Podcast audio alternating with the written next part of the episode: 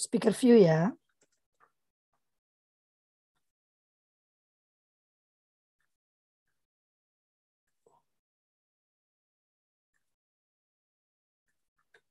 Oke, kita mulai ya. Uh, selamat pagi, sahabat suluh keluarga. Di Kultur Parenting Pagi, edisi hari Senin, tanggal 24 Januari 24 Januari 2022. Ya, ini udah menjelang bulan eh, tanggal-tanggal terakhir di bulan Januari, jadi cepat sekali ya menurut saya hari-hari ini ya. Tiba-tiba sudah tiba di akhir bulan saja. Uh, dan pagi ini kami berdua, saya dan Kak Deli, bangunnya agak kesiangan. Jadi mohon maaf ya teman-teman ya. Karena kemarin kami seharian uh, menemani seorang sahabat setelah setelah dari gereja, jadinya bangunnya kesiangan kami berdua. Ya. Uh, dan pagi ini, aduh ternyata Pak Irwan pun tidak muncul ya, jadi saya sendirian lagi ya. Pagi ini yang akan kita diskusikan adalah karena ada beberapa apa beberapa permintaan yang menanyakan tentang homeschooling yang sesungguhnya. Tapi tentu saja uh, meskipun saya saat ini uh, menjadi sekjen di Asosiasi Sekolah Rumah dan Pendidikan Alternatif, namun saya tidak berani mengklaim bahwa apa yang saya ketahui itu adalah yang paling benar gitu ya. Uh, saya tidak suka mengklaim kebenaran. Jadi lebih baik saya membawakan bagaimana keluarga kami dulu melakukan sekolah rumah atau homeschooling. Ayo dong buka kamera dong, jadi berasa sendirian nih. Kayak siaran di radio jadinya. Kak Febi, Kak Sisda, Kak Vivi. Nah, yang ingin saya ceritakan, ini nanti saya cerita sedikit saja ya. Tapi uh, sesuai tulisan anak saya yang pernah saya bagikan, dan itu dia tuliskan uh, setelah dua tahun melakukan homeschooling, uh, dia menuliskan dan perspektif dia tentang kami memulai homeschooling dan perspektif saya rupanya sedikit-sedikit berbeda gitu ya. Uh, dia tetap merasakan adanya uh, dalam tanda kutip uh, paksaan dari saya uh, untuk melakukan homeschooling meskipun kemudian dia uh, menikmatinya gitu ya. Sementara yang saya ingat uh, itu adalah pilihan mereka berdua meskipun mungkin ya di awal-awal saya berusaha meyakinkan, saya juga ngerti kenapa saya berusaha meyakinkan, ya, jadi lupa-lupa ingat saya. Karena sebetulnya kan uh, melakukan homeschooling itu cukup berat gitu ya. Terutama saya sendirian gitu kan. Waktu itu bapaknya masih masih ada bersama kami, tapi dari awal memang apa kalau bicara tentang pendidikan itu uh, saya sendiri yang melakukannya. Nah, bagaimana kami memulainya? dari awal sebetulnya anak-anak itu saya sendiri bahkan tidak tahu ada opsi uh, pendidikan informal ya saya tidak tahu ada opsi pendidikan informal waktu itu tahun 2006 2007 ya 2006 ya.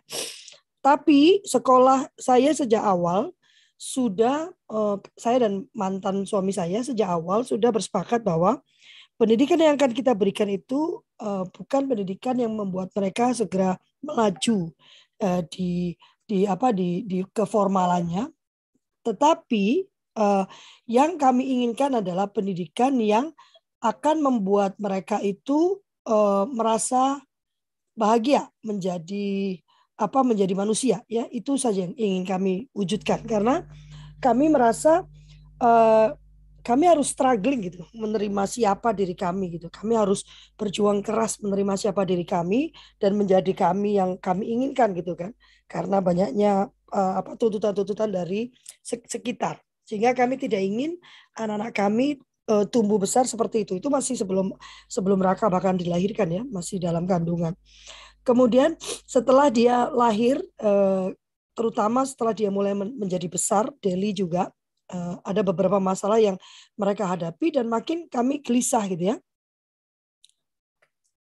Uh, karena kami takut anak-anak ini akan mengalami kekerasan gitu ya. Jadi waktu itu um, saya memutuskan bahwa paling tidak sekolah mereka itu tidak boleh lama-lama gitu. Jadi berbeda dengan orang tua orang tua kebanyakan sejak awal saya memang mencari sekolah yang paling cepat gitu. Jadi saya nggak mau Raka ada di sekolah sampai jam lebih dari jam 12 gitu ya. Uh, bahkan kalau bisa jam 10 sudah pulang gitu sehingga uh, didikan dari kami itu makin makin apa? makin terasa bagi dia gitu ya. Uh, sehingga waktu itu terpikir untuk masuk sekolah negeri saja. Tapi waktu Raka masuk ke SD, jadi kami SD itu ada di Bandung ya, uh, kami menemukan sekolah alam waktu itu. Kami menemukan sekolah alam. Pertama kalinya saya bersinggungan dengan sekolah alam. Saya datangi sekolahnya, saya ajak ngobrol dan saya saya waktu itu senang dengan dengan apa dengan konsepnya ya. Saya senang dengan konsepnya dan cocok bagi Raka yang sangat membutuhkan ruang bergerak yang uh, besar gitu ya karena dia uh, hiperaktif ya. Nah, uh, sayangnya waktu Raka sampai di kelas 2 sebelum uh, mau apa terakhir-terakhir ya sebelum naik kelas 3 no, baru mau naik mau naik kelas 3 jadi baru kelas 3 baru baru selesai rapotan kalau nggak oh mau rapot mau rapotan bapaknya anak-anak pindah ke Jakarta. Sehingga kami pun pindah ke Jakarta. Dan waktu itu pilihan saya jatuh ke sekolah yang eh, karena sekolah alam itu oh ini ada Pak Irwan sudah hadir. Sekolah alam itu berbasiskan agama eh, dan saya eh, puas dengan kebiasaan yang ditanamkan keraka terkait agama kami waktu itu, saya mencari sekolah yang eh, berafiliasi yang sama agama. Karena waktu itu saya belum menemukan sekolah alam. Eh, yang saya lakukan di sekolah alam kemudian di Bandung juga saya meleburkan diri ke ke pengurusannya gitu. Saya menjadi eh, pengurus di di sekolah alam tanpa digaji karena yang saya mau waktu itu hanya memastikan visi misi dan dan prosesnya itu tetap seperti yang yang mereka sampaikan di awal gitu ya, yang saya sepakati gitu. Jadi saya sempat terlibat dengan sekolah alamnya. Lalu kami pindah ke Jakarta dan Raka masuk ke sekolah biasa, bukan sekolah biasa, sekolah swasta yang berafiliasi agama. Demikian juga dengan Delhi. Gitu. Tapi yang saya perhatikan eh, karena Raka ini eh, memang sangat eh, apa sangat outspoken ya, sangat vokal. dia berkali-kali kebingungan dengan kondisi baru di sekolahnya misalnya ya anak-anak ribut sendiri gitu padahal belum waktunya istirahat. Mereka berlarian di dalam kelas. Itu untuk Raka membingungkan ya karena anak-anak ini kan memang di spektrum autis ya. Buat dia jam itu uh, sangat ketat jadi kalau waktunya istirahat ya dia akan istirahat dia jarang sekali mau diganggu untuk melakukan hal yang lain kalau waktunya belajar ya dia akan belajar dia jarang sekali mau diganggu untuk hal yang lain. Demikian kalau anak-anak di dalam spektrum itu ya. Sehingga waktu anak-anak itu ribut, dia kebingungan. Kenapa sih mereka ribut mah? Kan nanti ada jam istirahat. Kenapa mereka nggak belajar dulu ya? Kenapa mereka ribut ya gitu kan? Nanti kalau gurunya bertandang ya, karena guru itu kan hobinya bertandang ya, bertamu ke kelas satu ke kelas lainnya. Dia juga heboh. Kenapa sih uh, guru itu nggak nunggu jam istirahat ya ngobrol ya? Padahal cuma mau nunjukin uh, apa uh, barang dia loh mah gelang baru kayak apa. Kayak kan bisa nanti ya mak. Kenapa kok dia mesti datang ke kelas saya ke kelas kita ya mak? Padahal kalau gurunya ngobrol yang ada anak-anaknya rame lagi gitu. Nanti dia balik badan marah-marah lagi. Kan aneh ya mak. Jadi banyak sekali yang yang tidak dia pahami. Kak Irwan selamat pagi. Selamat pagi masih heboh atau bisa nemenin Lovely? Heboh ya multitasking. Aduh luar biasa. Ya. nah, setelah setelah uh, kami pindah ke Jakarta, Raka kembali maka masuk di sekolah tersebut dan mengalami banyak masalah sehingga kami memutuskan dipindahkan kami ketemu lagi sekolah alam di Jakarta. Kami pindahkan lagi uh, ke sekolah alam gitu ya karena uh, dia benar-benar nggak uh, nggak bahagia di sekolah itu sayangnya sekolah alamnya hanya bertahan dua tahun satu tahun kalau nggak salah ya satu tahun dua tahun uh, dan uh, mengalami konflik sehingga kami harus keluar. Nah, di sanalah baru memulai berpikir tentang sekolah uh, sekolah rumah atau homeschooling ya. Kami jalan-jalan. Dan awal homeschooling yang kami lakukan, saya menjadi guru. Kalau Deli, uh, kenapa kok Raka terus yang ceritakan gitu ya? Kalau Deli, uh, dia waktu itu masih di TK. Jadi Deli ini bisa dibilang tidak pernah mengalami pendidikan formal karena terakhir itu di TKA dia. Mau masuk ke TKB ya. Nah, di TKA kayak nggak salah TKB semester 2 atau TKA gitu ya.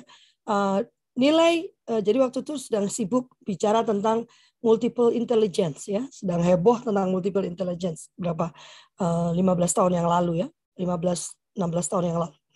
Dan uh, Delhi nilainya menurun gitu ya dari beberapa intelijennya itu menurun dari A menjadi B. Nah, saya bertanya kenapa kok A menjadi B, apa yang bisa saya bantu gitu. Karena dari dulu saya percaya uh, kuncinya ada di saya sebetulnya, bukan di para guru ini gitu kan. Uh, jawabannya uh, kurang nyaman kalau buat saya dibilang karena uh, semester ini nih mungkin uh, penekanannya bukan ke yang itu Bunda, jadi ke yang lainnya. Wah, saya nggak nggak puas ya bagaimana nilainya bisa turun karena anda tidak fokus pada itu ya. Itu bukan jawaban yang benar dan itu tidak berlandaskan teori dari multiple intelligence. Yang saya lakukan saya berikan buku multiple intelligence saya berikan kepada gurunya saya bilang tolong dibaca. Termasuk di dalamnya Deli itu makin menjadi pemalu. Ada di dalam sekolah bukannya makin menjadi eh, ekspresif dia makin menjadi pemalu. Dia kalau ke mana-mana sembunyi saja di belakang saya gitu ya.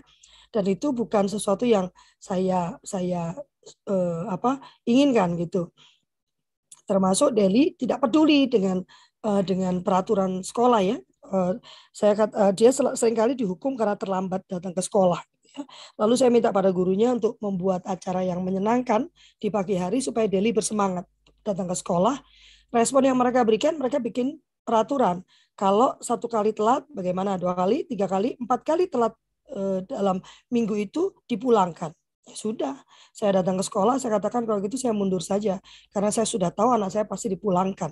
Dan bukan ini yang saya inginkan, nggak akan ngefek buat anak saya gitu. Tapi, dan ini kan masih TK ya, seharusnya Anda membuat uh, kegiatan pagi itu menyenangkan sehingga dia excited untuk datang ke sekolah. Saya keluarkan dia dan itulah memulai kami. Dan kami cari sekolah pengganti nggak ketemu. Anak-anak tetap ah ininya gini mah ah itunya gini ya. Kok kalau Lovely nggak paksa? Ya memang demikianlah uh, metode saya uh, mendidik. Saya tidak memaksakan ya. Saya mencoba untuk mendiskusikan. Kalau apa yang mereka tidak suka kita diskusikan dan kita dapatkan titik temu. Jadi memang memaksa itu tidak ada dalam kamu saya. Mengkondisikan ya. Seperti misalnya kalau saya mau mereka uh, apa tidur maka semua tempat saya buat bahwa tidak ada tempat yang menyenangkan untuk bermain gitu ya. Karena semuanya redup gitu kan. Dan di rumah hanya kami bertiga. Jadi kalau saya tidak ada kan mereka mau main sama siapa gitu kan. Nggak menyenangkan ya. Lebih menyenangkan dekat mama gitu. Jadi ya saya akan menarik mereka masuk ke kamar dengan ayo mama mau cerita gitu ya. Setelah itu pintunya ditutup dan lampu diredupkan dan tidak ada suara ya kan. Sehingga mereka bisa tidur gitu ya. Nah homeschooling yang awal kami lakukan, saya seperti biasa karena saya tahunya konvensional, saya mengajar ya. Saya mengajar anak-anak duduk jam 9 pagi, jam 8 pagi, mereka sudah duduk rapi. Saya mengajar satu persatu sesuai dengan tingkatan mereka. Uh, kemudian mereka mengerjakan penugasan, saya mengerjakan rumah dan mengerjakan uh, apa pekerjaan saya karena saya bekerja dari rumah ya. Uh, jalan tiga bulan saya stres, anak-anak lebih stres lagi. Jadi mereka bilang kalau kayak gini caranya sih uh, ini mah apa udah udah apa sayanya lebih baik saya sekolah kata anak-anak. Karena mama lebih galak daripada guru saya gitu kan. Mendingan saya sekolah aja gitu ya. Tapi saya sendiri pun merasakan keberatan gitu. Karena setiap hari saya harus membuat uh, apa materi belajar lalu juga pagi-pagi harus ngajar dan saya ritme saya mencari uang, ritme saya mengerjakan rumah terganggu. Sementara ayahnya anak nyantai aja balik lagi tetap pergi pulang malam gitu kan. Saya bilang ini kok jadi apa pemenuhan hak anak kok jadi pembelangguan hak saya ya. Ini enggak seperti ini ya. Nah, dalam perjalanan saya mencari bentuk homeschooling itulah saya bertemu Tahyanti.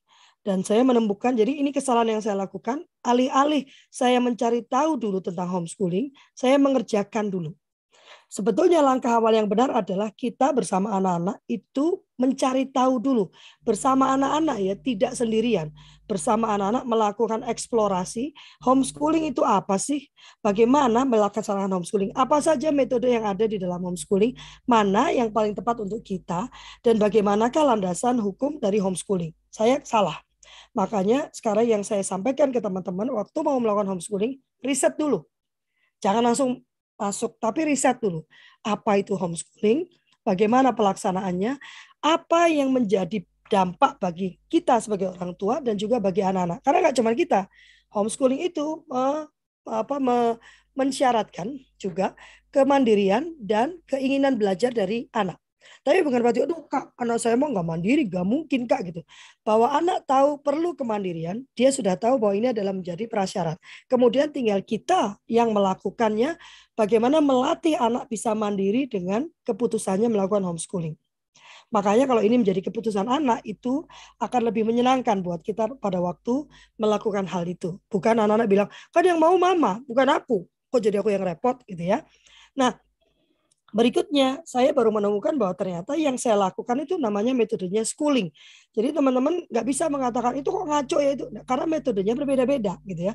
Ada schooling, ada Waldorf, ada Montessori, ada uh, apa Charlotte Mason, ada uh, apa uh, unit study gitu kan, ada juga unschooling. Ya, nanti uh, uh, saya akan um, membagikan link terkait metode-metode uh, tersebut. Tapi yang pasti schooling itu ya seperti sekolah. Boleh bisa jadi orang tuanya yang mengajar menjadi guru atau orang tua itu memanggil guru untuk datang ke rumah dan melakukan pembelajaran seperti di sekolah tapi dilakukannya di rumah gitu ya. Dan bagi saya kalau itu yang terjadi maka kitanya rugi banget secara biaya pun waduh lipat-lipat ya. Kalau di sekolah kan biaya guru itu ditanggung bersama. Kalau homeschooling yang tunggal, eh, saya kalau bicara homeschooling ini saya bicaranya tunggal ya.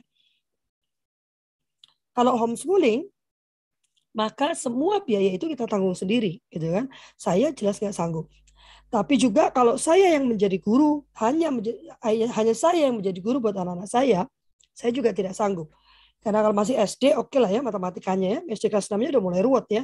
Kalau udah SMP, SMA, aduh saya nggak sanggup ya. Lalu kalau Waldorf, Waldorf itu ada TK-nya di Bandung ya. Jadi Waldorf di Bandung itu hanya TK. Sebenarnya ini bisa sampai SM, SD, SMP ya. Nah, di kalau pada Waldorf yang dilakukan adalah uh, mereka itu uh, apa uh, melakukan pembelajaran lewat cerita. Jadi uh, dan biasanya yang dia ter, yang dia tekankan itu adalah pembentukan karakter baik gitu ya. Jadi lewat mereka bercerita nanti anak-anak kemudian menceritakan kembali lalu muter-muter melakukan kegiatannya.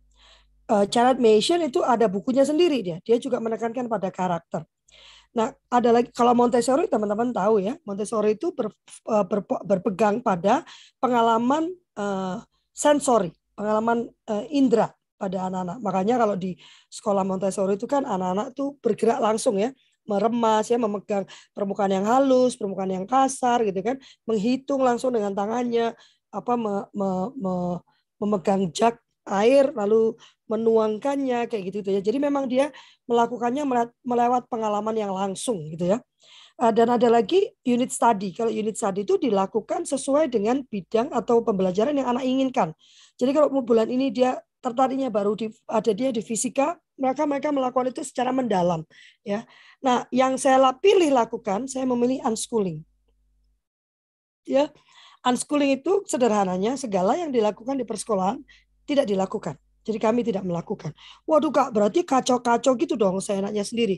Tidak. Jadi uh, di unschooling yang kami lakukan, nah di dalam pencarian itulah saya bertemu dengan Teh Yanti ya. Saya ngobrol dengan Teh Yanti dan dia yang memberi saya pencerahan apa itu homeschooling, bagaimana uh, peraturannya di Indonesia ya dan juga apa saja metode dan bagaimana kita bisa menerapkannya. Kalau Teh Yanti selalu senangnya kan bilangnya sesuai dengan perlindungan hak anak ya itu itu uh, kalimat yang selalu dia sebutkan. Saya mulai belajar dan saya melihat uh, yang saya inginkan adalah saya tidak ingin terlalu uh, apa ya Eh, terlalu terbebani sehingga menjadi marah terus pada anak-anak ya. Karena ada rasa mereka harus tertib harus duduk harus begini gitu ya. Tapi saya tidak ingin mereka kacau-kacau juga. Saya nggak ingin mereka tidak terstruktur. Saya tidak ingin mereka hidup serampangan gitu ya. Apa yang bisa saya lakukan? Maka lewat diskusi dengan Tayanti kami membuat satu metode namanya cara asik cari tahu ya. Cara asik cari tahu ini dimulai dari memahami tentang tujuannya. Jadi kalau di Seven Habit kan uh, uh, uh, apa ber, memulai dengan tujuan akhir. Jadi with a goal in mind. Jadi goalnya dulu ditentukan. Kamu mau ngapain? Apa yang menjadi cita-citamu? Dan ini berubah terus ya cita-citanya. Tapi setidaknya dia punya goal yang mau dia tuju, gitu kan? Sehingga nanti dia bisa menurunkannya menjadi uh, perencanaan bulanan. Kalau dulu saya bikinnya perencanaan bulanan ya. Eh, perencanaan bulanan itu kemudian mereka turunkan dalam kegiatan harian. Jadi anak-anak saya itu setiap eh, pagi-pagi atau malam mereka membuat jadwal untuk besok atau siangnya. Jadwal ini kemudian kita diskusikan. Bukan saya setujui, tapi saya sepakati. Karena di dalam jadwal itu pasti ada jadwal di mana dia membutuhkan saya untuk terlibat bersama dia. Nah, sehingga dia juga perlu mensinkronisasi jadwal tersebut dengan uh, jadwal saya sendiri. Karena kan saya tetap harus masak, tetap harus membersihkan rumah, saya tetap harus mengerjakan pekerjaan saya. Saya waktu itu penerjemah gitu kan. Sehingga kita mensinkronkan jadwal. Kakak dan adik ini mensinkronkan jadwal. Bahkan pada perjalanannya kakak bisa gini, oh dedek perlu bantuan itu, gak usah sama mama, kakak bisa. Nanti dedek sama kakak aja, gitu ya. Jadi bahkan ada masa di mana dia bisa mengambil alih beberapa tugas saya ya. Atau udah nggak usah itu mah yang itu. Biar nanti kakak yang ngerjakan nanti mama langsung ngerjain yang ini gitu. Jadi itu adalah sesuatu yang mengasihkan. Sampai hari ini pun masih uh, demikian ya. Kita pagi-pagi masih dede dede mau ngapain hari ini? Uh, ini ini ini ini kakak gitu ya. Nah kemudian mereka ya, saya biasakan dari dulu adalah membaca buku. Pada hari ini kami punya hanya punya dua rak buku. Yang masing-masing raknya itu sudah dua saf ya. Hanya tapi sebelumnya uh, di awal mereka ikut homeschooling, buku kami udah mencapai nilai uh, angka kalau nggak salah 3.000 atau 4.000 biji gitu ya. Karena memang sejak awal kami punya anak, sejak dalam kandungan, kami memutuskan bahwa membesarkan anak yang senang membaca itu penting. Ya, nah, karena mantan suami saya itu dulu gila membaca. Saya sendiri sebetulnya di awalnya tidak senang membaca. Mengapa? Karena Bukan karena saya malas atau gimana, menurut saya ya, karena lingkungan membentuk demikian. Karena bagi saya buku itu mahal sekali. Dan waktu kecil saya tidak tidak terlalu punya uh, kekuatan untuk membeli buku. Ya, saya membaca ensiklopedia yang diberikan ayah saya, saya membaca ya itu, tapi tidak. Jadi buku itu dipilih karena uh, uangnya terbatas, sehingga saya tidak terbiasa membaca buku. Nah, kemudian saya berkompromi dengan mantan suami saya karena saya setuju bahwa anak-anak itu perlu, anak-anak kami nanti perlu dididik menjadi pembaca. Sehingga yang saya lakukan waktu itu saya mengubah diri saya ya, e, memaksa diri saya untuk menjadikan membaca itu sebagai e, kehidupan hari-hari saya, gitu ya, sebelum anak-anak lahir, sebelum Raka lahir. Sehingga waktu mereka besar, buku itu sudah menjadi teman saya. Ya, jadi saya berubah gitu. Maka yang kami lakukan, kami bacakan buku sesering mungkin gitu ya. Dan buku itu tidak hanya buku anak-anak. Jadi setelah buku anak-anak selesai meningkat, meningkat, meningkat, meningkat. Sehingga waktu anak-anak bisa membaca, setelah lancar membaca, jadi waktu mulai membaca, mereka memang membaca buku yang hanya satu kalimat, lalu dua kalimat. Tapi begitu mereka lancar, bacaan yang mereka baca itu meningkatnya cepat gitu ya. Daily itu sampai membaca uh, Harry Potter itu ya secara lengkap dan itu kan ada yang tebal banget itu dan dia bisa selesaikan dalam waktu singkat dan bisa menceritakan. Nah di dalam CACT yang dipentingkan ah, bukan buku yang dia baca, tetapi kemudian cara dia menceritakan kembali. Mengapa? Karena selama ini saya gelisah dengan anak buah mantan suami saya yang lulusan Eh, kampus-kampus terkenal, tetapi pola berpikirnya benar-benar tidak runut gitu, melompat-lompat, melompat-lompat. Kami tidak ingin anak-anak kami menjadi seperti itu. Dan kami menemukan cara yaitu menanyakan. Jadi waktu mereka membaca buku, kami bertanya dan kami tuntun urutannya. Jadi saya nggak bilang, coba ini ya, kamu bikin laporan, ini laporannya silakan kerjakan. Enggak, tapi mereka boleh bercerita lepas sesuai yang mereka mau. Lalu kami tuntun 5W1H. Eh, ini loh yang mau perlu diketahui. Sehingga kemudian dia terbiasa kalau ditanya jadi apa tadi uh, ini uh, apa ceritanya? Tadi kenapa?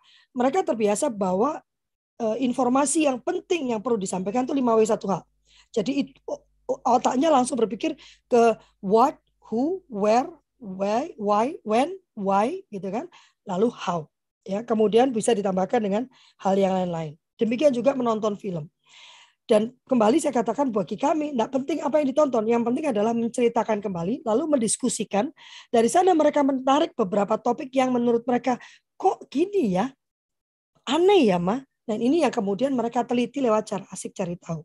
Cara asik cari tahu pun kami susun supaya apa pun yang mereka temui nanti di dalam hidup mereka, ini adalah langkah berpikir yang akan mereka lakukan. Pertama, mereka akan mencari tahu dulu. Mereka akan mendefinisikan dulu permasalahannya apa ya kan? Kemudian mereka akan mencoba untuk melihat kalau karena ini pembelajaran persekolah apa homeschooling, maka mereka melihat dari tema yang mereka temukan ini standar kompetensi kelulusan mana yang bisa mereka capai dengan cara memperdalam tema ini. Ya. Kemudian dari standar itu, mereka kemudian mencoba memetakan apa yang mereka ketahui tentang topik tersebut. Jadi mereka tuliskan apa yang mereka ketahui ya. Lalu kemudian mereka menurunkan apa yang perlu yang ingin mereka ketahui ya yang aku ingin tahunya apa gitu kan nah yang ke, setelah mereka tahu apa yang ingin mereka ketahui ini yang penting menurut saya mereka kemudian ditanyakan kalau sudah tahu apa gunanya ya biar tahu aja mah ah Kalau begitu, mari kita tunda karena uh, itu belum penting berarti. Jadi penting buat saya kalau mereka ingin melakukan sesuatu, mereka tahu apa manfaatnya. Termasuk di dalamnya saya katakan karena di rumah saya itu saya sendirian, ya maka otoritas tertinggi di rumah tersebut adalah saya sebagai ibunya. Maka saya katakan bahkan kalau mama yang menyuruh, kamu boleh bertanya apa manfaatnya untuk kamu sampai kamu memahami. Tapi kalau kamu tidak bisa memahami manfaatnya, jangan dikerjakan. Ya, kamu harus benar-benar bisa bertanya sampai kamu paham apa manfaatnya untuk kamu. Dengan demikian itu membuat mereka terbiasa menghadapi peer pressure ya.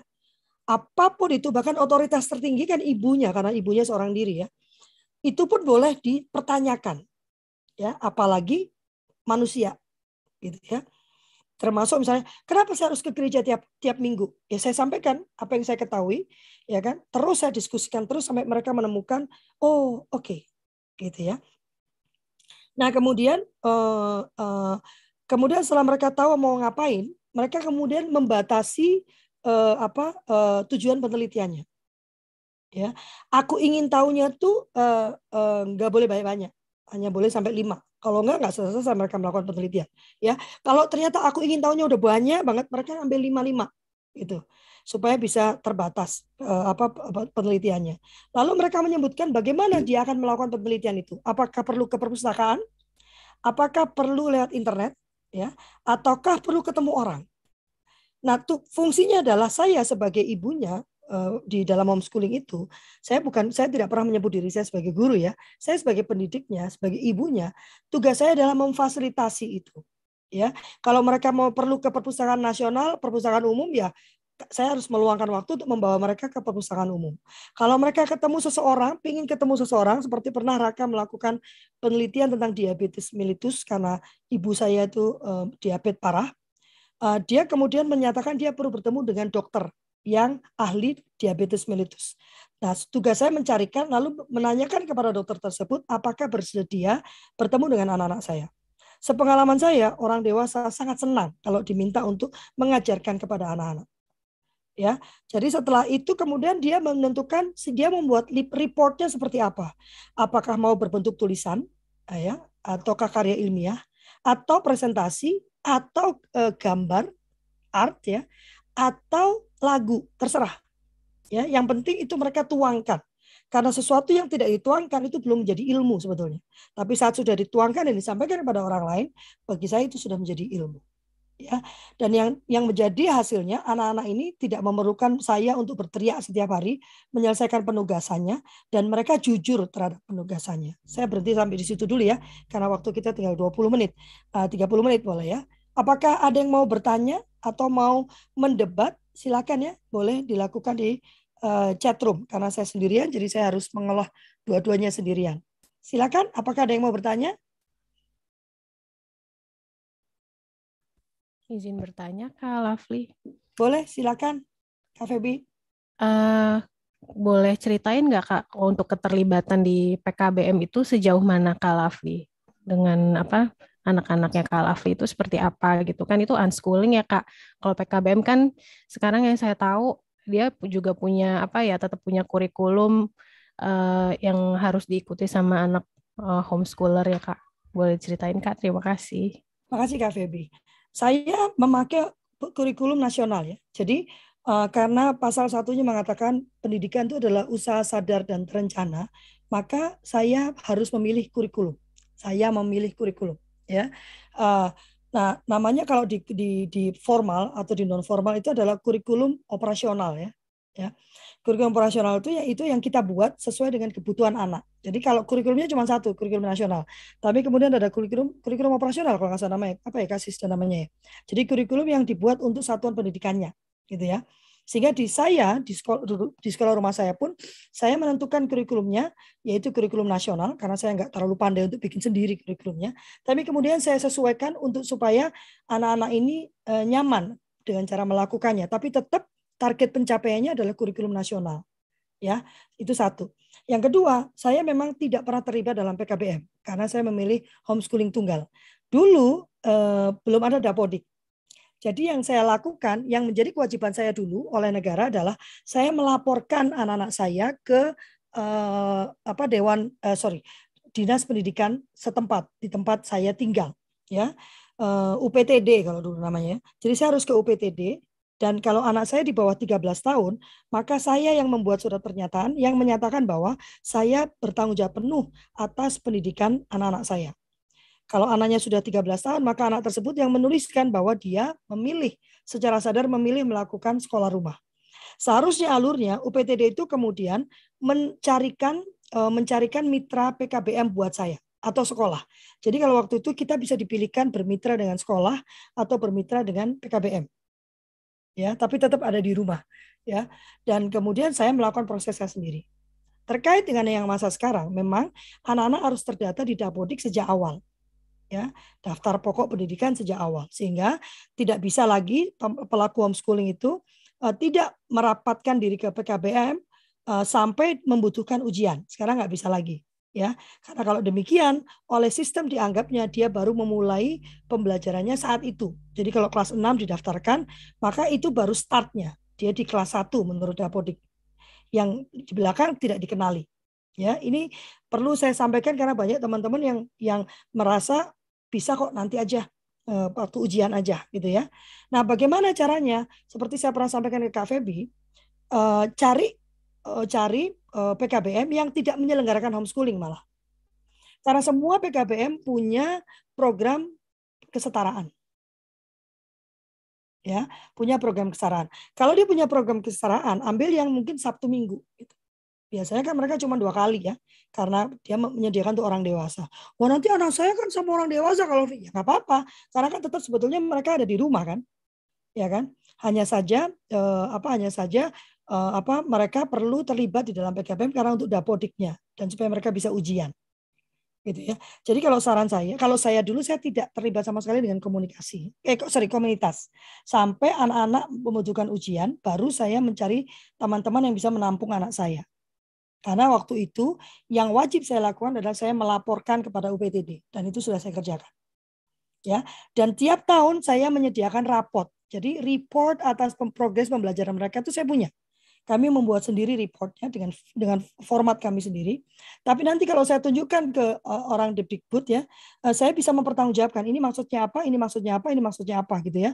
Yang penting adalah ada uh, apa ada uh, alur yang yang kami kerjakan dan bisa saya pertanggungjawabkan sebagai orang tua. Ya. Dan uh, kalau sekarang saya menyarankan cari komunitas kalau mau cari komunitas yang menyediakan layanan uh, jarak jauh yang saya tahu homeschooling Kak Seto menyediakan itu. Saya nggak tahu mungkin Kak Sista juga bisa menyediakan itu. Layanan jarak jauh itu Anda hanya diberikan uh, apa uh, evaluasi ya, dapodik lalu dievaluasi ya dan Anda wajib melaporkan ke mereka untuk tahu progresnya. Ya. Jadi kalau saya dulu memang tidak terlibat karena peraturannya belum menyatakan demikian. Tapi kalau yang sekarang anak-anak itu harus terdata di Dapodik sejak tahun pertama. Jadi itu jangan sampai kelewat. Kalau enggak, nanti eh, anak-anak tidak bisa ujian. Itu Kak Febi ya. Terima kasih Kak. Cari aja PKBM yang paling paling murah gitu ya, yang karena kan nanti kalau KVP menyatakan saya bisa cari cari ini sendiri kak, cari apa cari bahan sendiri, saya bisa didik sendiri, nggak apa-apa. Tapi yang penting cari yang paling murah supaya bisa ada cantik dapodiknya. Saya sih masih masih mencoba ya berbicara pada Depdikbud bahwa harusnya yang informal ini juga punya tautan di Dapodik karena jalur pendidikannya kan masih tiga. Jadi kenapa kok tautan Dapodiknya hanya dua, padahal jalurnya ada tiga gitu kan? Nah ini perlu perlu advokasi lebih lanjut ya. Karena kalau begitu nanti teman-teman beberapa teman di persekolahan tuh merasa terancam kalau jadi kita nggak butuh mereka lagi kan ceritanya gitu loh. Gitu deh. UUD ya, ujung-ujungnya wait. Ada lagi kah yang mau bertanya?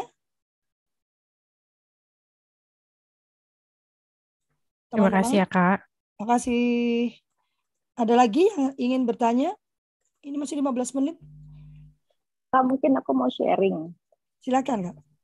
Ya, jadi yang aku uh, beda sama Lovely. Kalau Lovely kan akan apa di sempat bisa mendaftarkan mengajukan izinkan ke PDT itu ya tadi ya apa? UPTD. Aku sama sekali UPTD. Nah, aku sama sekali nggak tahu itu apa Kak. Terus terang. Jadi saya tuh benar-benar tidak terdaftar dan tidak mendaftarkan diri ke mana pun sampai Kevin mau ujian. Kevin mau ujiannya sebenarnya masih ah penting nggak ya perlu nggak ya? Tapi apa egois ya agak egois gitu. Tapi habis bingung karena apa mungkin tidak belum ketemu kalau beli belum ketemu kalau tapi gini uh, intinya waktu itu uh, semakin ke sini makin uh, apa waktu itu ya komunikasinya gitu ya. Maksudnya nggak apa bukan coba-coba tapi nggak jel, jelas dan tidak mengarahkan ke mana-mana sampai kita uh, yang mau aku berasa bisa percaya tapi mereka uh, yang nggak welcome gitu. Jadi oke okay lah nggak apa-apa. Tapi akhirnya intinya kami tetap tetap berteman dengan beberapa yang oke. Okay, kita mandiri, kita sharing informasi, belajar belajar. Jadi basicnya komunikasi. Tapi nggak daftar ya kak. Gitu sampai mas mau ujian. Nah kami mau sharing aja nih tempat di mana aku ujian PKBM ini. Kalau misalnya tadi siapa kak siapa yang kak Feby yang mau uji mau masuk PKBM daftar apa PKBM-nya dan aku yang aku tahu udah berubah lagi ya dulu aku daftar dari kelas 4 SD tapi sekarang udah jadi kelas 1 ya? kelas 1 oke berarti sudah berubah lagi. Apa namanya nah PKBM ini tadinya sih sama sekali nggak ada dipungut bayaran kak. Gitu dipungut bayaran sama sekali. Pas waktu mau ujian aja itu pun eh, apa namanya dia bilang terserah Cani mau, mau ini berapa? Waktu itu saya bilang jangan bu. Kamu ibu membantu anak-anak uh, berat ngeluarin biaya ini sebenarnya berapa. Dia bilang katanya nggak nggak nggak ada ininya Chan tergantung. Jadi kan bilang rata-rata pukul rata waktu itu dia mention 750 ribu itu pukul rata semuanya gitu. Karena ada yang bayar ada yang enggak ada yang donasi gitu loh kak. Tapi uh, sekarang ini um, mereka netapin harga juga nggak mahal. Bayar kalau nggak salah bayar pendaftaran aja 100 ribu setahun itu 200 ribu apa 300 ribu gitu. Dan nanti baru lagi pas ujian tuh nggak apa ujian juga nggak ini. Cuman maksudnya itu cuma biaya administrasi yang min, uh, minim banget gitu loh yang aku lihat. Nih sekarang kan Caitlin uh, masih masih mau ujian dan aku baru daftarin kemarin. Nah itu daftarnya segitu seratus ribu buat pendaftaran dua ratus ribu tuh untuk setahun gitu. Jadi Kakak itu aja sih. di PKBM di Bekasi. Pemelatih bangsa namanya. Pemelatih bangsa namanya kalau nggak salah. Kelas berapa ya. sekarang? Sekarang kelas 6 kak. Didaftarkannya kemarin baru? Iya, baru masuk kemarin. Maka itu harusnya dia nggak bisa ujian. Kalau jadi oh, ketemuan, gitu. PKBM-nya bisa ditutup. Oh gitu ya, Kak ya? Yes. Dan ya. harusnya, karena itu yang hmm. begini teman-teman ya, saat ini uh, uh, non formal ditolak untuk uh, jalur yang pilihan hmm. ya. Jadi ada kan jalur hmm. masuk ke perguruan tinggi itu di mana yang dicek hmm. tuh uh, apa rapotnya. Kalau rapot hmm. dia bagus, dia langsung bisa masuk ke perguruan tinggi tanpa hmm. ujian lagi. Hmm. Dan kami yeah. disingkirkan dari itu. Iya. Mengapa? Ya. Karena praktek-praktek yang kakak lakukan. Iya, iya. Kemarin soalnya kan uh, waktu kami masukin yang pendapat informasi kelas 4 SD itu, Kak, saya udah masukin datanya gitu. Waktu kan barengan sama Kevin ujian ya, kalau nggak eh, sorry, tiga tahun itu sama Keke. Bermasukin barengan, saya, Bu, daftarin aja. Nah, kemarin saya ke sana, uh, nanya, Bu, ini gimana Kathleen gitu. Terus, kadang kami sama sekali selama masukin data sampai kemarin itu nggak ditagih apa-apa, Kak gitu benar-benar nggak ditagih tapi data ada di mereka cuman nggak um, tahu gimana mereka nggak masukin. Tapi ya tapi mereka tadi memastikan kemarin udah masukin gitu. Ya, ya anugerah nanti kalau saya minta PKBM-nya saya laporkan dia ditutup kak. Oh. Ya, ya karena itu kak. Ya. Ya. Okay, jadi okay. ini yang harus saya peringatkan ya sama teman-teman. Karena banyak yang melakukan ini dan saya mau sampaikan, dan itu yang membuat kita tersingkir. Kenapa? Karena nanti para PKBM itu kemudian um, mengisikan data rapot itu di ujung. Jadi dia bikinkan rapot ke belakang. Karena harus punya rapot. Kelas 1, kelas ya. 2, kelas 3, kelas 4, kelas 5, kelas 6 harus ada rapotnya. Kalau ya. baru masuk kelas 6, rapot yang lima tahun bagaimana? Okay. Siapa yang bikin? Memang ya, saya memang uh, nggak bukan ini ya kak, bukan bukan mau membela diri, tapi bukan mau membela, tapi ini mereka banyak gerak ke anak-anak jalanan sih kak. Gitu. Jadi ya. Nggak, ya, nggak, nggak urusan ya, ya nggak urusan. Ya. Anak itu bukan karena oh karena dia anak jalanan, nggak. Ini yang salah bukan anaknya. Saya nggak oh, memang, memang. Tetapi ya, betul, betul. memang, tetapi memang uh, karena kalau anak jalanan pasti dari awal sudah mereka masukkan. Mengapa? Ada BOP bantuan operasional pendidikan. Kata tapi saya nggak bayar. Dia udah dapat BOP. Anak-anak yeah. itu berhak mendapatkan dana dari pemerintah. Mohon maaf saya jadi agak-agak emosi ya, karena nggak bisa di, nggak, ada pembelaan. Dan ini yang membuat betul, betul. kami ditolak hmm. sekarang. Maka Asapena berubah. Asapena hmm. akan memastikan kita semua tertib administrasi supaya kita bisa ngomong ke mana pun tidak ditolak lagi. Karena hmm. lucu kan, kita ditolak karena administrasinya nggak tertib anak-anak ini padahal mampu, tapi karena kita Iya. ambil bolong-bolongnya eh, apa bolong-bolongnya eh, apa peraturan Mm-mm. yang menjadi rugi anak-anak. Ya, Iya, iya, iya, iya, betul. Iya, iya. Oke, Kak. Iya. Terima jadi nanti tolong teman-teman karena kalau kakak udah terlanjur ya, dan itu saya sudah Iya. berkali-kali juga bicara dengan Mm. Via.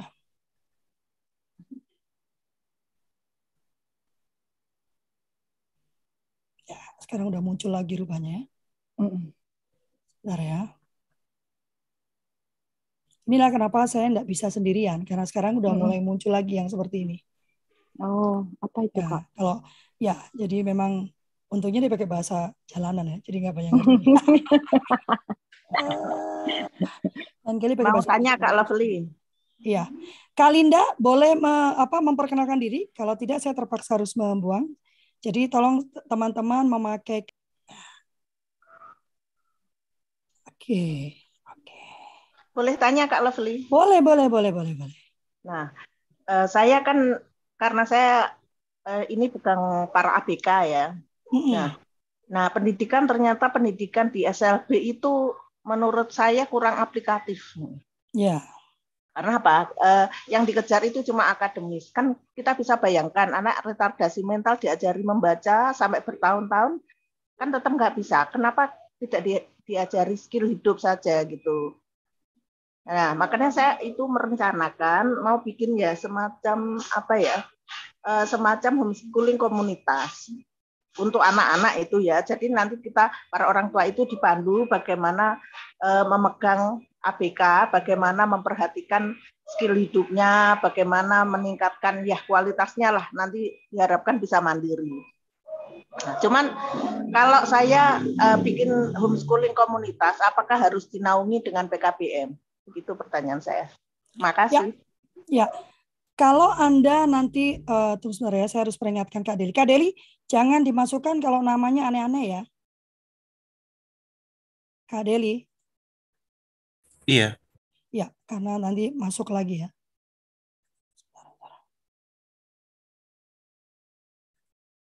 Ya. Eh, apakah memerlukan PKBM? Kalau Kak Fatima eh, memutuskan untuk eh, gini, kalau bagi saya, kalau nanti men- men- mengambil pendanaan, maka memang wajib melaporkan ke pemerintah dan membuatkan satuan pendidikan. Mengapa? Karena sebetulnya satuan pendidikan itu adalah bentuk perlindungan pemerintah kepada warganya. Maksudnya apa kak? Begini, kalau anda eh, apa eh, Kak Deli nanti kalau ada yang masuk diminta untuk memperkenalkan diri dulu ya. Jangan di jangan dimasukin ya. Eh, di, di- apa di, dimintakan memperkenalkan diri ya. Oke, ini kayaknya saya sedang dibom ya. Banyak sekali yang mau masuk tapi namanya aneh-aneh. Ya, eh, tadi saya kalau bagi saya kalau Anda membentuk komunitas yang men- mengajukan pendanaan, maka sebaiknya memang Anda membuat satuan pendidikan. Mengapa? Karena itu adalah bentuk perlindungan pemerintah kepada warganya. Jadi, apa maksudnya? Nanti kalau eh, ke- Anda panggil anak-anak gitu kan, ada pemba- pembayarannya. Keberlanjutan kependidikan anak itu dijaminkan oleh pemerintah. Maksudnya gimana, Kak? Kalau tiba-tiba Anda membubarkan diri, maka pelaporan Anda itu memang sudah diakui oleh pemerintah. Jadi anak itu bisa berpindah ke satuan pendidikan yang lain. Ya, Eh, eh, apa? Ah, ini baiklah kita kita tolak lagi aja. Kita nggak usah terima orang baru aja. Biarkan menonton di di YouTube saja ya.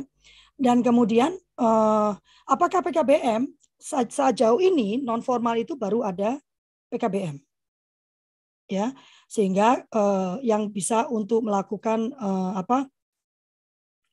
Melakukan eh, kesetaraan. Nah untuk Kak Fatima, gini ya, anak ABK itu kan eh, dibedakannya gini. Apakah anak ini itu layak eh, apa didik ya kalau nggak salah ya? Mungkin Kak Pak Bagus ya yang bisa Dokter Bagus ya bisa bantu saya. Ada dua kan? Dilihat apakah dia eh, apa layak ajar gitu kan kalau nggak salah atau layak apa gitu Kak Pak Kak namanya itu. Jadi ada anak-anak yang memang eh, tidak bisa lagi kemampuannya untuk melakukan akademis sehingga yang perlu dilakukan adalah eh, mencarikan cara eh, keterampilan hidup Jadi ada kriterianya sebetulnya. Tidak semua anak itu kemudian oh karena anak ABK masuknya ke ini gitu kan ada kriteria yang pasti di layak di, layak latih layak latih ya jadi ya. Uh, mesti ada kriterianya dan itu harus bertanggungjawabkan dulu gitu. Artinya ada psikolog yang mengatakan bahwa anak ini memang layak latih. Pak Mutakin juga ber, berkecimpung di ABK kan? Jadi nggak kan uh, anak tidak langsung bukan difonis tapi kemudian oleh psikolog dilakukan uh, apa evaluasi dulu ya Pak Mutakin ya? Asesmen dulu kak Lovely. ya dilakukan ya, asesmen kenapa kak? Ya Gimana Pak Mutakin di asesmen tuh jadi tahu layak latih satunya layak apa Pak? Itu dilakukan asesmen dulu sebenarnya. Betul, betul untuk mengetahui kemampuan setiap anak berkebutuhan khusus. Ya, jadi memang harus di assessment oleh psikolog dulu. Jadi bukan kita yang menyatakan anak ini tidak bisa, tapi psikolog yang punya secara secara profesi, profesional bisa menyatakan apakah anak ini ini layak latih atau layak layak apa? Layak ajar ya. Layak didik apa? Pak Mutakin namanya. Kalau masih bisa dimasukkan akademiknya gitu. Itu satu pertama ya. Jadi tidak yeah. bisa kita yang mengatakan, tidak bisa orang tua yang mengatakan.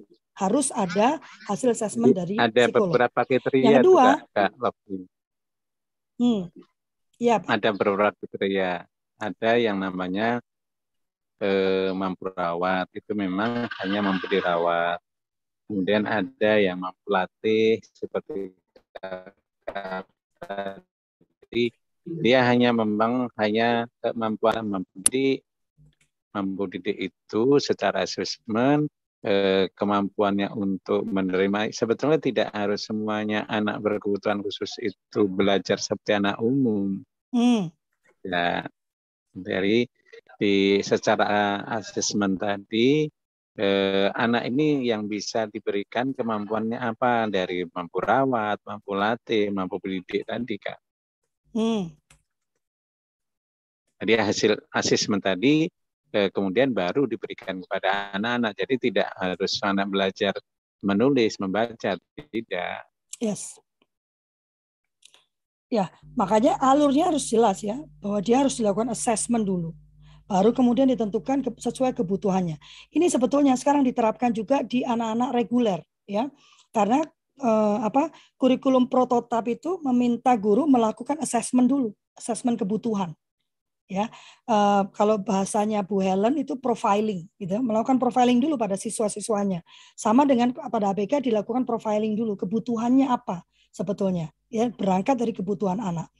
Dan bahwa uh, bahwa anak-anak ini kemudian salah di, di, diartikan oleh teman-teman uh, apa uh, di dalam apa namanya untuk sekolah anak berkebutuhan khusus ini, saya memang ingin mengangkat mereka. Mengapa? Dampaknya anak-anak ini ditempatkan di tempat-tempat yang bukan milik mereka. Saya bukan menolak mereka ada di PKBM, saya bukan menolak mereka ada di homeschooling gitu ya. Tapi kalau mereka tetap dipapar oleh kurikulum reguler, maka tetap terjadi kekerasan kalau menurut saya. Seharusnya anak-anak ini mendapatkan kurikulum yang sesuai dengan kemampuan mereka, yang mana sebetulnya pemerintah sudah menyediakan. Kalau dulu pemerintah hanya menyediakan untuk pendidikan formal karena anak-anak ini adanya di apa SLB, nah, itu yang saya lupa ya SLB. Tapi sekarang eh, pendidikan khusus itu ada di satu direktorat dengan pendidikan masyarakat. Tapi sampai hari ini saya belum berhasil bicara dengan teman-teman pendidikan khusus terkait dengan bagaimana anak-anak yang ada di pendidikan non formal dan informal ini bisa mengakses kurikulum mereka dan juga bisa mendapatkan layanan uh, evaluasi dari mereka. Ya, karena saya tetap nggak sepakat gitu anak-anak ini yang di garis kiri ya, termasuk yang di garis kanan anak-anak yang cerdas uh, berbakat ini ya, yang gifted talented ini, yang IQ-nya sangat tinggi juga belum mendapatkan layanan yang sesuai. Kenapa? Teman-teman banyak yang minta harusnya non formal tuh boleh percepatan dong, harusnya boleh ini dong. Itu secara undang-undang masih keliru gitu.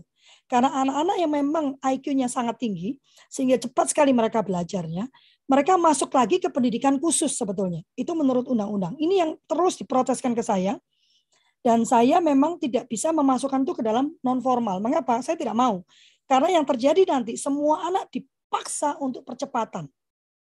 Padahal tapi memang ada anak-anak yang memerlukan percepatan karena eh, IQ mereka yang tinggi.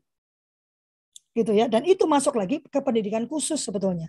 Perlu layanan khusus dan ada di dalam direktorat itu ada namanya pendidikan khusus.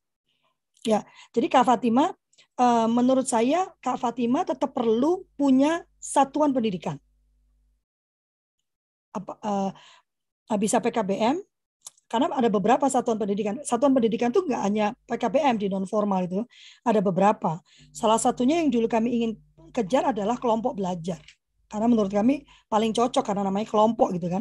Sayangnya kelompok belajar ini uh, antara permen dan uh, antara PP dan permennya berbeda gitu. PP-nya mengatakan dia boleh menyelenggarakan pendidikan kesetaraan, tapi di permennya dia tidak tidak dimasukkan dalam pendidikan kesetaraan. Sementara kalau kita homeschooling kita perlu pendidikan kesetaraan. Nah, kalau Kak Fatima bisa juga menjadi uh, kursus misalnya, gitu kan, atau menjadi lembaga uh, pelatihan misalnya gitu kan, karena Kak Fatima yang mau di yang mau dilayani adalah anak-anak yang memang uh, apa mampu latih ya. Gitu ya Kak Fatima? Iya, terima kasih atas penjelasannya. Ya, ya. Jadi memang perlu uh, uh, karena kalau nggak kita nggak punya satuan pendidikan, pemerintah tuh tidak bisa melakukan pengawasan. Oh, nah kalau aja pemerintah mengawasi, jangan lupa ya. Uh, pengawasan itu adalah bentuk lindungan, perlindungan ya. Anda perlu diawasi supaya Anda tidak melakukan pelanggaran terhadap hak-hak anak tidak juga melakukan pelanggaran terhadap undang-undang yang berlaku. Ya, bentuknya perlindungan kepada peserta didik atau kepada anak itu sendiri. Karena ada ada teman-teman tuh kan kalau udah kata ada kata pengawasan, kontrol gitu kan udah wah, udah tanduknya keluar semua gitu ya. Standar itu wah, tanduknya udah keluar semua. Bagi saya sebetulnya kalau dari perspektif pemerintah itu adalah eh, cara mereka melindungi masyarakatnya gitu kan. Begitu ya. Ada lagi yang mau ditanyakan? Kita masih punya waktu dua menit deh. Dua, dua sampai lima menit lah, karena kita mulai jam tujuh lebih sepuluh ya. Ini karena para hacker tuh sudah mulai aktif lagi ya. Uh, kemarin saya dapat laporan satu kegiatan doa malah ya uh, di apa dimasukin disusupin orang-orang seperti ini maka uh, saya akan sedikit mengubah ya teman-teman tapi mungkin kalau yang di WhatsApp grup saya saya tetap akan bagikan linknya langsung ya. Tapi nanti yang saya sebarkan di um, sosial media bentuknya adalah uh, pendaftaran. Jadi kalau mereka mendaftar ke saya, memberikan nomor WA, baru bisa mendapatkan link ya. Uh, karena mereka rupanya aktif lagi nih. Ini sudah lama saya sudah melakukan ini satu tahun, uh, dua tahun saya ada di Zoom. Uh, di awal-awal memang sering dibom, lalu setelah itu tidak pernah terjadi. Kita nyebutnya dibom itu kan. Uh, untungnya kita hanya mengalami dengan suara, kadang-kadang mereka langsung share. Uh, tapi kalau di kami tidak bisa share kalau dia bukan co-host. Ya. Jadi uh, nanti perlu dilaporkan ke Zoom supaya diperketat lagi itu ininya. Karena kita masih memakai Zoom ya. Atau jangan-jangan berikutnya kita meetingnya di ini aja ya, di Sulu Bangsa Mulia ya. Jadi avatar semua. Ada lagi yang mau ditanyakan terkait homeschooling? Ya, bisa sekali biar sekalian trial ya kak. Belum iya. trial. orang dewasanya yang masuk ke nggak usah trial itu kan bisa saja semua orang dewasa bisa masuk ke situ juga. Banyak kegiatan bisa kita lakukan di situ. Ya, Pak Irwan ya. nyoba tapi bentuknya asap melulu ya. Kenapa kenapa? Waktu masuk Sulu Bangsa Mulia kan asap melulu. Jadi Pak Irwan tadi lihat uh, dengar nggak kita di bom ya? Di bom hacker ya? Iya iya iya. Iya. Dengar. Uh, ada beberapa juga saya juga ada di grup. Padahal itu grupnya neuro neuroscience ya jago-jago IT semua sama aja digangguin paparan iya. dicoret-coret gitu ya iya. uh, paparan uh, Kak Gafri komentar iya. aja dikit ya terima Silakan. kasih sharing uh, luar biasa saya juga kemarin juga ada sharing dari orang luar biasa memang di acara pengajian dari pengajian hmm. itu online ngundang Pak Marsiano ketua umum KONI gitu ya wah begitu pengalamannya luar biasa malah orang kan uh, jadi jadi yang profesornya malah ngomong, waduh saya nggak ada apa-apa tapi menuliskan autobiografi. Kenapa kenapa bapak tidak ya? oh iya ini belum pernah kepikiran gitu ya. Uh, apa yang diceritakan tadi, saya kira mungkin nggak usah autobiografi, tapi dalam bentuk-bentuk cerita yang bagus ya. Menurut saya itu kalau dalam keyakinan saya itu ada yang disebut ahli hikmah gitu ya. Uh, kalau dalam konsep saya sendiri itu kan setiap manusia itu akan dapat adversary-nya masing-masing Nah, bagaimana kita bisa merefleksikan untuk menemukan bahwa memang ini adalah tantangan eh, spesifik untuk saya, keunikan untuk saya. Nah, selanjutnya juga mungkin sedikit tambah menambahkan ada tipe-tipe orang Kak Gafri dan teman-teman semua gitu ya.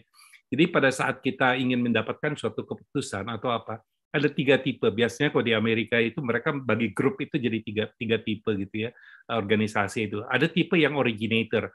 Originator ini dia ingin berubah, membuat yang baru, segala macam gitu ya. Setelah itu ada tipe yang pragmatis, setelah itu ada tipe yang konservatif. Nah, eh, tiga tiga tipe ini seharusnya ada dalam satu organisasi. Kenapa? Kalau originator semua, kita nggak berubah semua, undang-undang juga berubah terus jadinya kan, gitu ya. Kok pragmatis dia gimana ingin bertiup, kok konservatif semua nggak akan pernah maju gitu ya. Nah, jadi tiga tipe ini saling mengawal.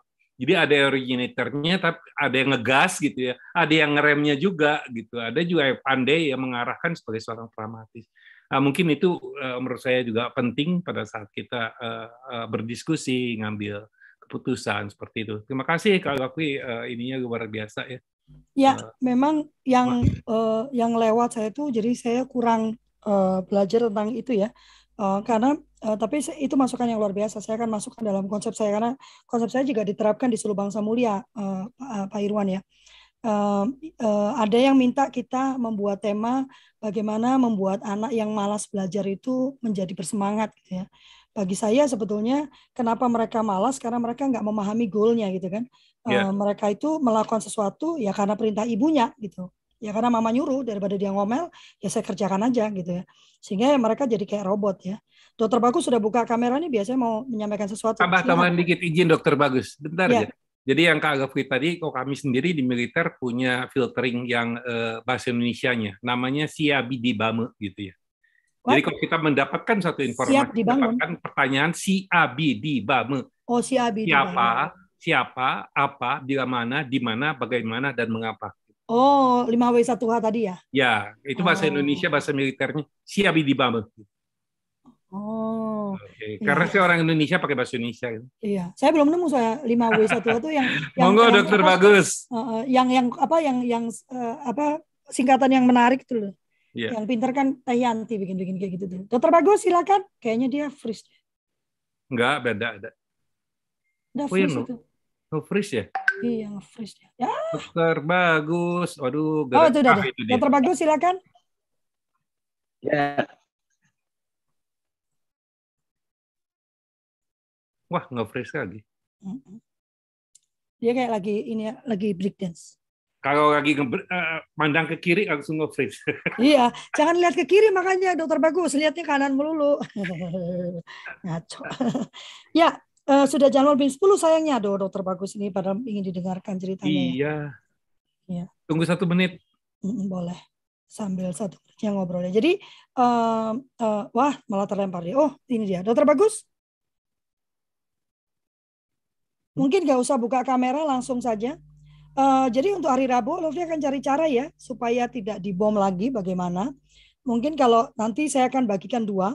Uh, kalau teman-teman nanti uh, enggak gini, teman-teman agak repot nanti mungkin ya. Yang saya bagikan nanti berupa pendaftaran. Ya, nanti saya akan tuliskan karena ada hacker, ada pendaftaran, dan setelah itu akan diberikan. Jadi teman-teman nanti saya bagikan. Uh, ya dokter. freeze dokternya. Ayo dok. Ada gangguan sinyal. Iya. Ditunggu dok. Ya ya. Oke, saya cuma di anu aja apa penjelasan aja di sini bahwa anak-anak itu sebetulnya terjadi disfraksia ya itu juga karena apa program yang ada di TK. Hmm. Ya. Jadi sekarang ini sudah 47,7 persen dari seluruh anak itu menjadi korban calistung, ya kan? Jadi saya tes keterampilan kognisi kan kalau masuk SD itu itu melihat bagaimana motorik kasar, motorik halusnya. Ternyata tulisannya jelek semua. Nah, itu gara-gara di TK ya kan? Jadi ada gangguan vestibuler yang tidak bisa selesai. Padahal sebetulnya gangguan vestibulernya sedikit gitu loh. Tapi karena, karena programnya calistung jadi masalah. Jadi itu ada delapan kelampiran kognisi kalau sudah nyampe di daya tangkap, daya balas bermasalah, itu masuk inklusi harusnya, gitu kan. Nah, ini harus diperjuangkan oleh uh, kalau ini ya mengenai tes calisium itu nggak boleh lagi ada di SD. Kemudian programnya juga nggak boleh. Jadi TK itu harus outdoornya itu 90 persen, indoornya cuma 10 persen ya bermain dia. Indoor itu hanya untuk instruksi. Cari daun yang kasar sampai yang halus. Mm-hmm. jadi kan itu. Nanti frasa kasar yang halus tuh ngerti dia. Ya kan? Ini kan anak sekarang di, bisa makan singkong tapi nggak tahu pohonnya. Luar biasa kan? Jadi itu aja yang saya katakan. Jadi terjadi tunalaras malahan ya tunalaras yang sebetulnya ini domain untuk ngatur apakah itu harus inklusi apa reguler, ya kan? Tapi kalau misalnya ada tuna-tuna yang lain, itu disebut integrasi ya, kelasnya seperti cocoknya ke kejuruan.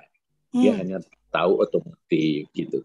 Jadi anak ini tidak harus akademis semua, tidak harus akademis. Jadi kejuruan saya setuju digalakkan di mana-mana karena itu menangkap anak-anak yang seperti ini. Ya kan? Jadi tidak harus di SMO atau SMA. Karena di SMO SMA nggak mungkin dijadikan inklusi ya SMO karena gurunya gurunya guru mapel. Beda-beda matematik beda. Dan anak-anak berkebutuhan khusus yang tunalaras nggak bisa ketemu orang yang ganti-ganti mukanya. Dia harus satu orang yang bisa satu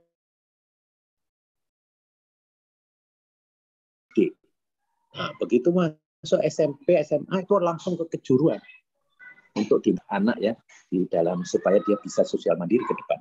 Saya kira itu. Kalau Fli, terima kasih.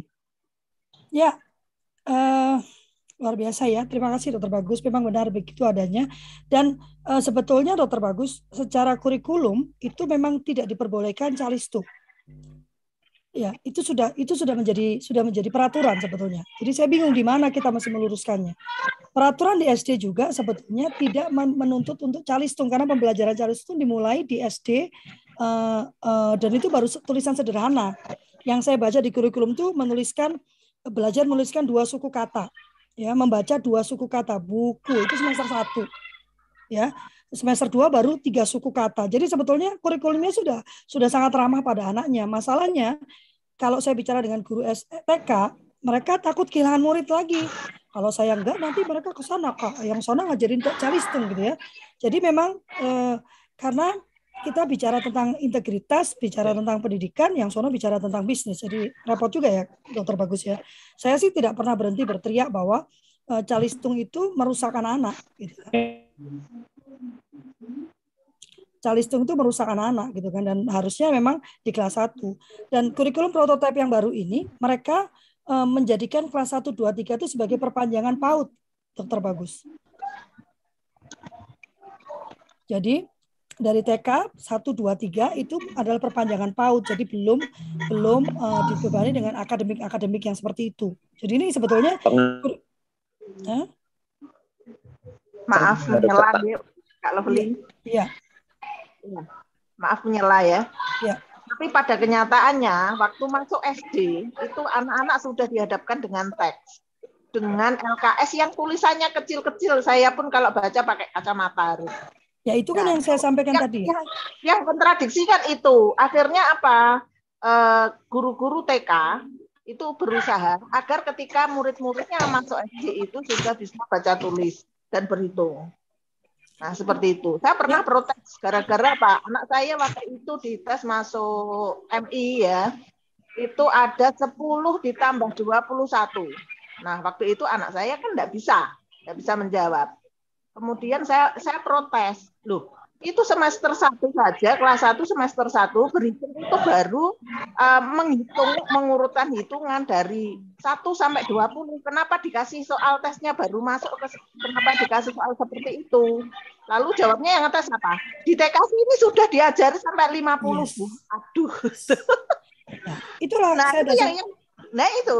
Yang itu yang mau saya sampaikan. Itu. saya mau iya. mau advokasi ke mana Karena peraturannya tidak menyatakan demikian. Jadi peraturannya sudah benar.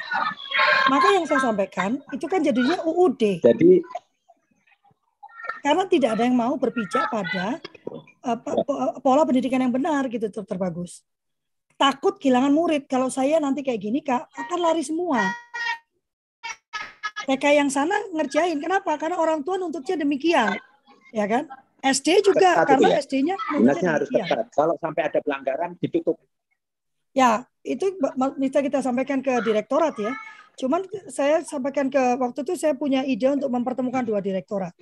Lalu eh, beberapa teman saya bilang, oh, itu sudah dilakukan karena tata aturannya sudah demikian, terus mau bagaimana, gitu ya.